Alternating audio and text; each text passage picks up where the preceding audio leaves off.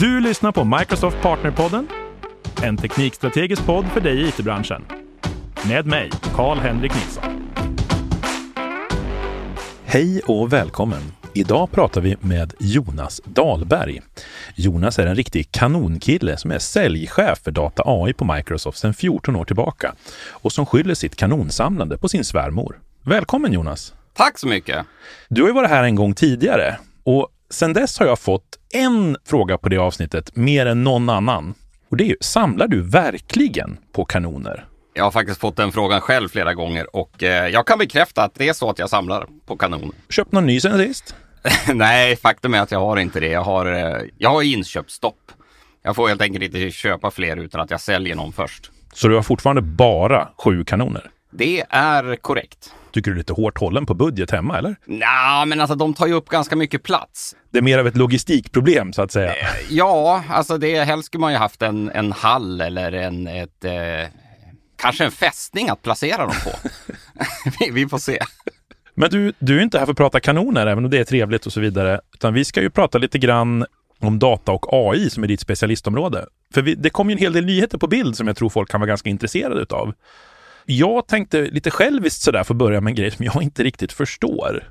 Och det är ju då metaverse som alla pratar om och tycker verkar vara så häftigt. Jag kan för mitt liv inte begripa vad vi ska ha det här till. Faktum är att jag ställde mig själv exakt den frågan i det måste ha varit i oktober eller något sånt där när de här första nyheterna om de här satsningarna kom ut. Då bestämde jag mig för att det bästa sättet att förstå det är att eh, eh uppleva. Köpte mig ett sånt här äh, Oculus Quest 2, 256-varianten äh, så det ryms lite appar på. satte det där på huvudet och äh, bestämde mig för att försöka förstå. Jag blev ju... Någonstans är det så, det här har ju funnits jättelänge. Men det har blivit bra. Det har blivit bra på riktigt. De här klassiska problemen när man tar på sig VR-hjälmen så ser man inte längre var man är och så går man in i väggar och snubblar över mattor och sådär. Det har man löst genom en sån här virtuell skyddszon som du definierar när du börjar spela och kliver du då igenom den här zonen så du riskerar att krocka med en vägg i det fysiska rummet. Då ser du plötsligt verkligheten igen genom headsetet. Så att man har liksom löst många av de här traditionella VR-problemen. Tycker jag på ett väldigt, väldigt, väldigt bra sätt. Jag bestämde mig för att testa det här. Så mm. jag köpte ett headset, laddade ner den här, äh, Microsoft, vi köpte ju ett bolag för inte så länge sedan. Eller det var nog ganska länge sedan i och för sig, Altspace VR. Som är en sån här äh, applikation för att träffas och köra möten i virtual reality helt enkelt. Laddade ner den här och äh, bestämde mig då för att äh, gå, in, gå in i den där äh, världen då på något sätt och så hittade jag då en, äh, nu avslöjar jag ju min ålder då, då. men då hittade jag en Meatloaf-konsert i virtual reality och jag insåg att det här liksom, det kan inte gå snett. Så jag eh, anmälde mig lite det här klockan 11 på den där dagen så ansluter jag mig, kliver in i den här världen, inser att jag står i en skog, träden är så här stiliserade, liksom inte ens Minecraft-grafik, ganska rackigt så. Börjar vrida på huvudet lite försiktigt så här och inser att ljudet kommer liksom därifrån. Så jag börjar gå mot ljudet. Och så kommer jag fram då till den här stora ytan. Där befinner sig ungefär en 400 andra nördar som förmodligen liksom jag också testar metaverse på det här sättet. Och så, ja, Meatloaf spelar och det är lite sådär och det var ju någon film då, någon, ja, var ganska dåligt gjort, men det gör ingenting. Och så inser jag då att jag hör ju när folk pratar, man ser folks avatarer och man hör hur folk pratar och sådär. Så jag, ja, jag vandrar upp till ett gäng där som står och pratar och ställer mig och lyssnar på deras samtal helt enkelt. Ända tills fyra personer då vänder sig om och tittar på mig. Så jag sprang min väg. Det var min första eh, erfarenhet av metaverse. Eh, saken är den att man måste tänka på att sociala konventioner fortfarande gäller. Så att det är inte så poppis att ställa sig 10 centimeter från någon utan att presentera sig och bara lyssna på deras samtal. Men jag hade liksom inte riktigt reflekterat över detta. Så du var lite den här, i, i metaverse-världen var du den creepy snubben på krogen? Ja, men en VR-lurkare, lite så. Ja, riktigt eh, virrig erfarenhet. Men sen konstaterar jag då att själva apparna och grafiken och sådär är väldigt eh, det är liksom ingen tvekan om att den här närvarokänslan som man är ute efter, den finns där. Så att jag försökte övertala mitt team att allihop skaffa VR-headsets och eh, jag har erbjudit då eh, såna här vecko 1 med alla teammedlemmar i virtual reality sen dess. Hur har det gått? Ja, jag väntar fortfarande på första inbjudan. Det, det verkar... Jag vet inte. Men inte jag, helt så. jag tror att jag har hört om, om, om vi tar bort metaverse och, och bara pratar virtual reality. Jag tror att jag läste min första artikel om det här 1992 i Datormagasin, tror jag tidningen hette. Ja, ja. Där man pratade om någon forskare som byggde de här grejerna själv med liksom och ja, böjde plast och satte skärmar och de vägde liksom 40 kilo och det var liksom krångel och grejer. ja.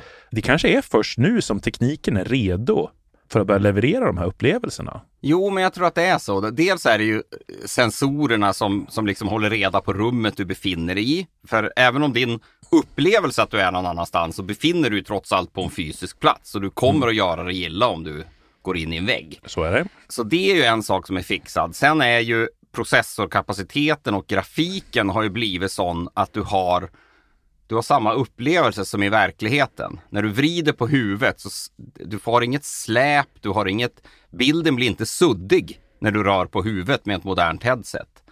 Det är liksom, det är riktigt bra. Kroppen blir lurad att man är någon annanstans när sinnena berättar för en att man är det.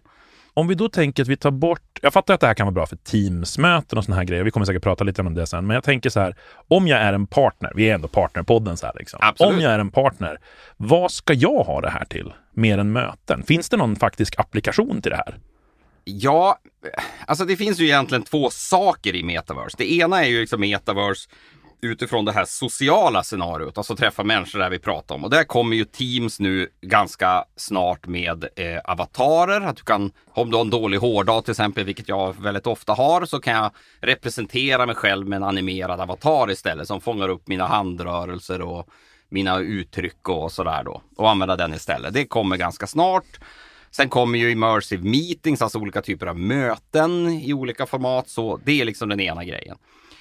Men kopplingen till data AI när det gäller metaverse så är det egentligen en parentes, hela det här sociala. Utan det som är intressant utifrån vårt perspektiv, det är ju det vi kallar för det industriella metaverse. Där du bygger 3D-miljöer för att till exempel, du bygger digital twins. Alltså du simulerar till exempel en fabrik eller du simulerar en stad eller du simulerar en plats. Precis, så jag kan ta min, mina fastigheter som jag har i Digital Twin, jag kan spela upp dem i metaverse egentligen och titta runt i dem och gå runt och undersöka saker och se hur, Ja, hur det står till egentligen. Till exempel, fast det, det som är egentligen mest intressant i det här, det är ju om man tänker kopplingen till AI. Säg att du vill träna en AI-modell, en kamera, att känna igen en viss typ av händelse och larma när den händelsen inträffar. Det traditionella sättet att göra då, det är att sätta upp den här kameran i verkligheten. Men problemet är att det kanske tar ett år innan en elefant kliver ut på övergångsstället. Risken är att det tar väldigt lång tid att träna den här modellen i verkligheten. Tänk då metaverse istället. Du bygger den här stan, helt digital. Du tränar modellen på simulerad data. Och det är bara compute egentligen som bestämmer vilken tidsskala du har. Plötsligt kan du träna en industriell modell motsvarande 10 000 år på fabriksgolvet. Kan du simulera, samla data för på två dagar. Aha! Då börjar det ju faktiskt finnas en poäng med det där. Okej, så jag kan, för framförallt jag tänker så här, digital twin, okej, då får jag upp exakt som min miljö ser ut. Men jag kan lägga dit egentligen simulerade scenarion och så kan jag simulera, okej. du kan ju helt och hållet bestämma Ja, du bestämmer helt enkelt tiden själv. Det börjar ju börjar kännas väldigt eh, Matrix över alltihop. Men det är ju så här, verkligheten är ju för långsam för de flesta av oss, trots allt. Jag jobbar med Azure, liksom ljusets hastighet är det största problemet jag har. Ja, precis. Ja, men det är, ju, börjar ju bli ett problem Ja. i många typer av applikationer. Jag brukar säga att Ja. vi jobbar på det. Ja, precis. Men du, Ja, jag det. tänker sen, när vi ändå pratar om metaverse, jag vet att om inte jag ställer den här frågan så kommer jag få så här kommentarer om varför jag inte har ställt den här frågan. Varför har man inte ben i metaverse? Det är ju jättekonstigt. Det är faktiskt något som jag har tänkt väldigt mycket på. Och när, när vi pratade inför det här poddavsnittet så där så tänkte jag att risken är att jag får frågan och då behöver jag ha ett svar. Så att jag kan ju ta de förklaringsmodeller som jag hittade. Vilken tur att du fick frågan, tänker jag. Ja, jo, annars hade jag gjort det i onödan. Men det finns ett par olika saker. Den ena grejen handlar om sensorerna. Alltså att sensorerna i de headset vi har idag ser inte benen. Och därför blir det svårt att plocka upp vad de gör och det blir svårt att simulera och sådär. Det låter ju logiskt, liksom rent ur ett teknokratiskt perspektiv sådär att eh, eh, så kan det vara. Men sen en annan förklaringsmodell som jag fick, det var att när man går in i sin avatar och du har ben så kommer du uppleva till exempel, du är längre än mig. Mm, mm. Medan i metaverse är vi plötsligt lika långa. Och det upplever folk som störigt att man inte är liksom kompatibel med sin egen självbild längre. Och genom att då ta bort benen, för alla är ju på samma höjd i metaverse. Går Mm. du runt med en avatar så är du, ja öga öga är samma höjd hela tiden. Ja, att, att då ta bort benen gör den här självbildsgrejen mindre tydlig. Dock så verkar det ju som att vi kommer ju få ben i metaverse. Det är ju ingen tvekan om att det kommer att utvecklas sensorer för att plocka upp vad våra ben håller på med.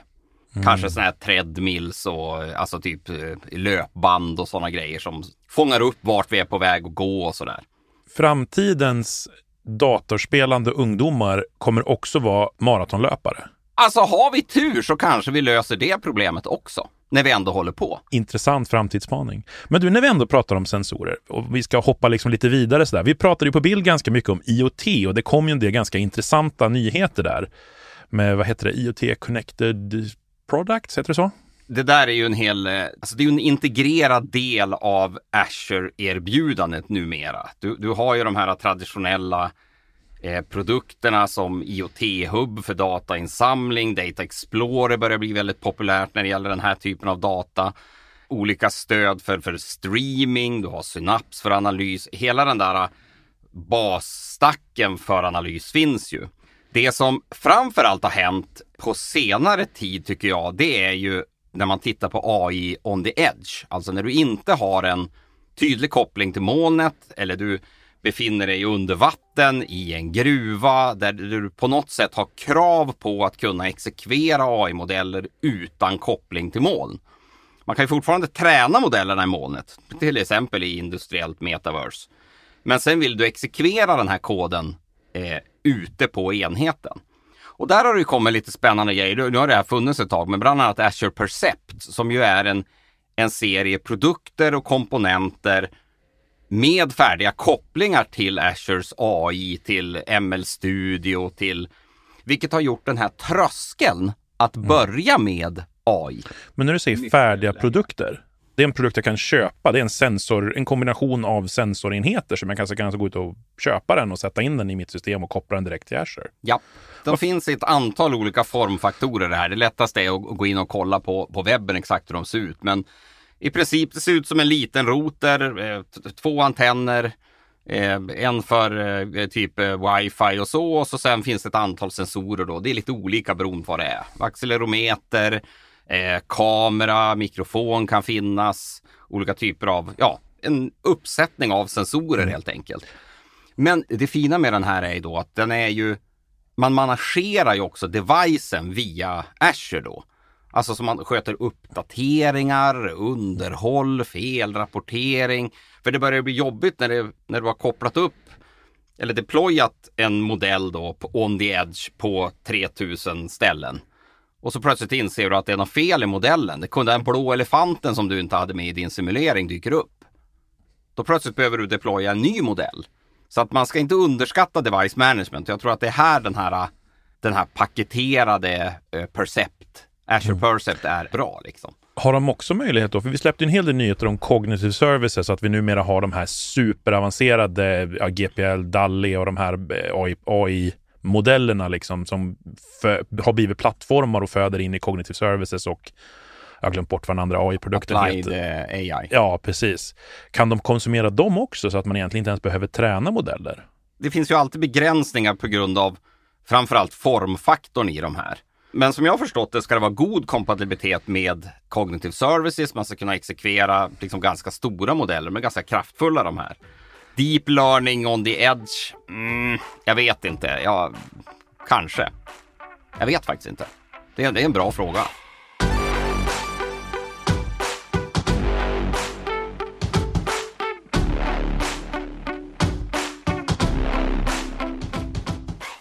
Är det utmanande att sälja den här typen av produkter då? Eller är det bara att installera dem och så funkar det? Ja, alltså det där är ju är också intressant. Jag har ju, det har ju hänt väldigt mycket. Så det här har ju mognat otroligt de senaste åren. Men om man tittar för ett par år sedan med en av våra första installationer av en, en sån här kamerasensor, alltså en edge device med en kamera som skulle upp i en hög kran. Så kunden är helt med på att vi vill göra det här, vi vill göra testerna, det, det är sådär, sådär. Men det slutar ju då med att, att facket har ju då åsikter om den här nya tekniken, vilket manifesteras i att Ja, lång historia kort. Det slutade med att det var min säljare som fick klättra upp i kranen och fästa kameran. Precis. Mm. Så att, jag vet inte, att sälja, det kanske är leveransen som är svår. Jag vet inte, någonting sånt. Alla partners får börja rekrytera gamla mastklättrare som har sadlat om till IT. Ja, kanske inte alla, men det, det kan behövas om vi säger så. Lite här och där. Var det något annat som du reagerade på under bild som du tyckte var väldigt spännande? Det var väl inte kanske jättemycket just på bild, men alltså jag, i data AI så har vi ju ett område som, som är extremt spännande och det är ju Power BI framför allt. Alltså en otroligt populär produkt som växer snabbt. Det är ju en produkt som, som Excel. Den har fans. Du vet folk som älskar den.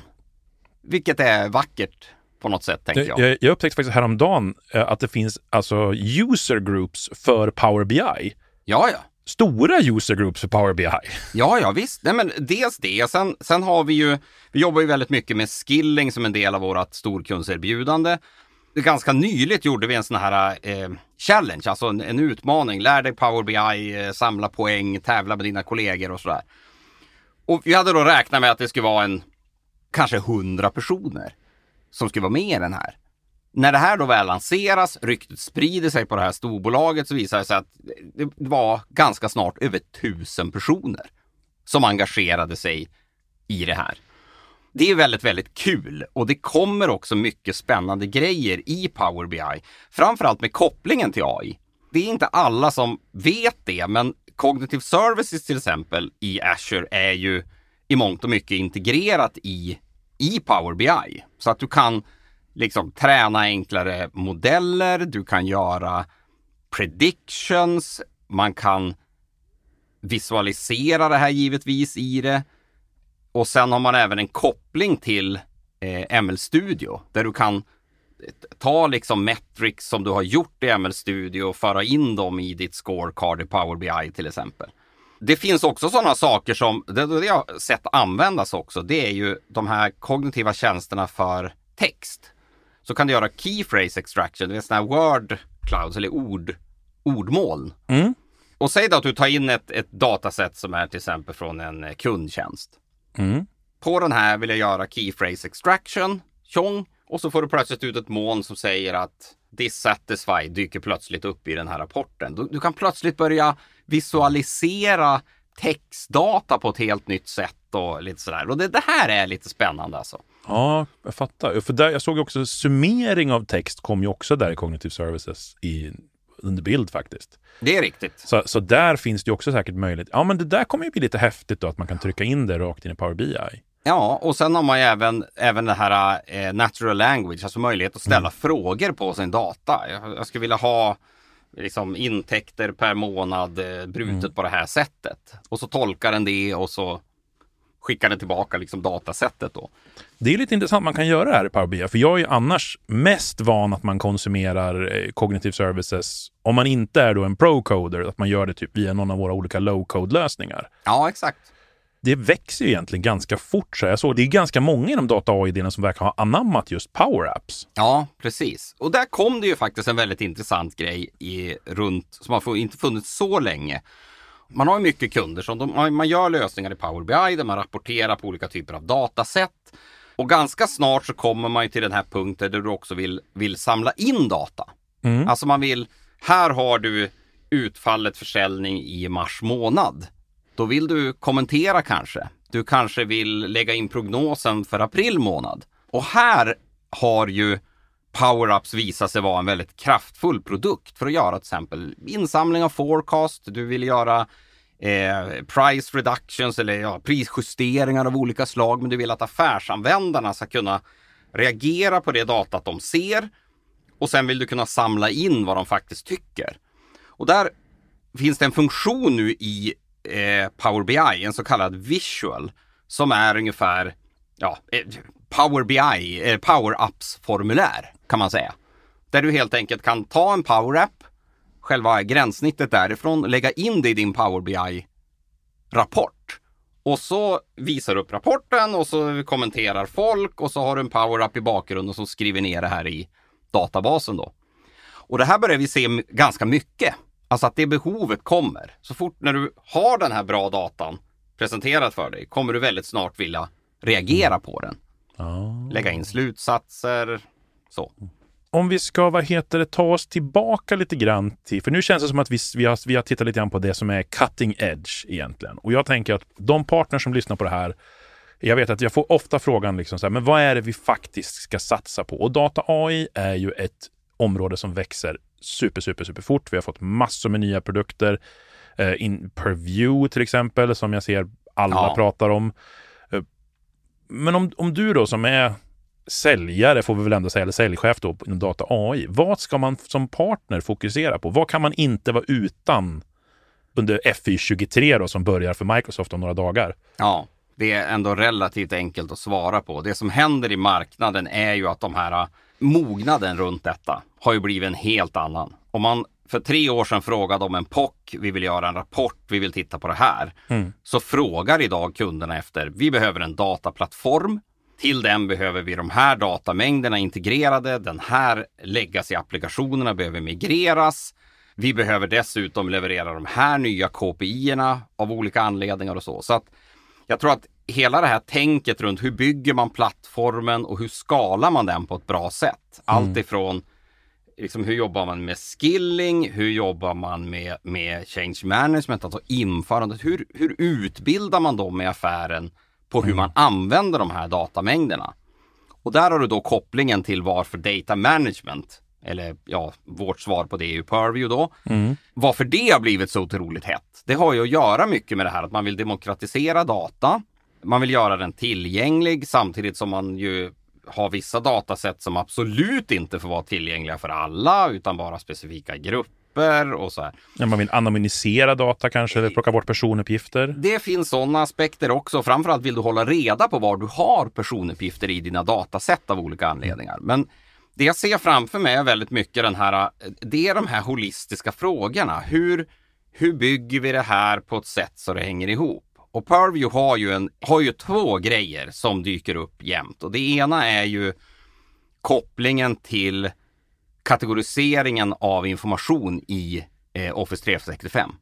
Det här att du har confidential, om du har de labels, data labels definierade så återanvänder de ju dem i Purview. Den identifierar då även persondata och allt möjligt sånt där. Och sen har man nästa fråga som vi nästan alltid får när vi visar Purview. Det är ja, men vi behöver ett gränssnitt för affärsanvändarna som är väldigt, väldigt enkelt. Vad är det för data som finns? När uppdateras den? Och då är svaret ja, det finns ett API till Purview. Alla funktioner är tillgängliga via API, vilket gör att du kan integrera det här i din self-service site eller vart du nu vill ha det. Så det finns också möjlighet egentligen, jag skulle kunna bygga en produkt för att managera Purview och egentligen förenkla produkten för, för konsumenter från Microsoft också då? Det går alldeles utmärkt. Sen är det ju alltid frågan, det här är, produkten är ganska tidigt i fas, eh, det händer ganska mycket, mycket nya funktioner, mycket nya sådär, så att det är alltid vanskligt att bygga mot API-er som rörs. Mm. Men eh, jag tror att många av delarna nu, datakatalog, eh, eh, governance-delar, discovery, mycket av de där, det kommer förvisso byggas ut med fler funktioner, men API-erna bör vara rätt stadiga nu om man skulle vilja göra det. Du, alltid så trevligt att ha dig här och prata lite data AI. Jag tänkte vi skulle avsluta med en sån här uh, liten topplista. Om du tänker tillbaka på vad stora Microsoft-kunder har frågat dig om som de vill köpa den senaste tiden. Vad är det folk köper just nu? Det brukar våra partners alltid vilja veta. Ja, då ska jag säga högst upp på listan är eh, eh, Synapse Analytics. Nummer två Databricks. Nummer tre Power BI. Nummer fyra Purview. Och sen kommer nog Managed Instance på SQL. Den har ju blivit riktigt bra och det finns koppling till nya SQL 2022 som kommer till hösten. Och... Och, och Azure Arc fick väl också stöd för Managed Instance nu så man kan deploya den i hybridscenarion från Azure och grejer. Exakt, det händer jättemycket. Det, det kommer att bli ett spännande SQL-år nästa år, vilket jag, vilket jag ser fram emot. Det, men det var, det var dags. Det var dags, definitivt. Du, superstort tack och jag vet att du kommer komma tillbaka också när vi ska prata både Databricks i framtiden och lite andra grejer. Så att eh, vi får säga på återseende och tack för att du kom hit idag. Tack så mycket. Du har lyssnat på Microsoft Partnerpodden med mig, Karl-Henrik Nilsson. Som vanligt hittar du information och resurser på aka.ms partnerpodden.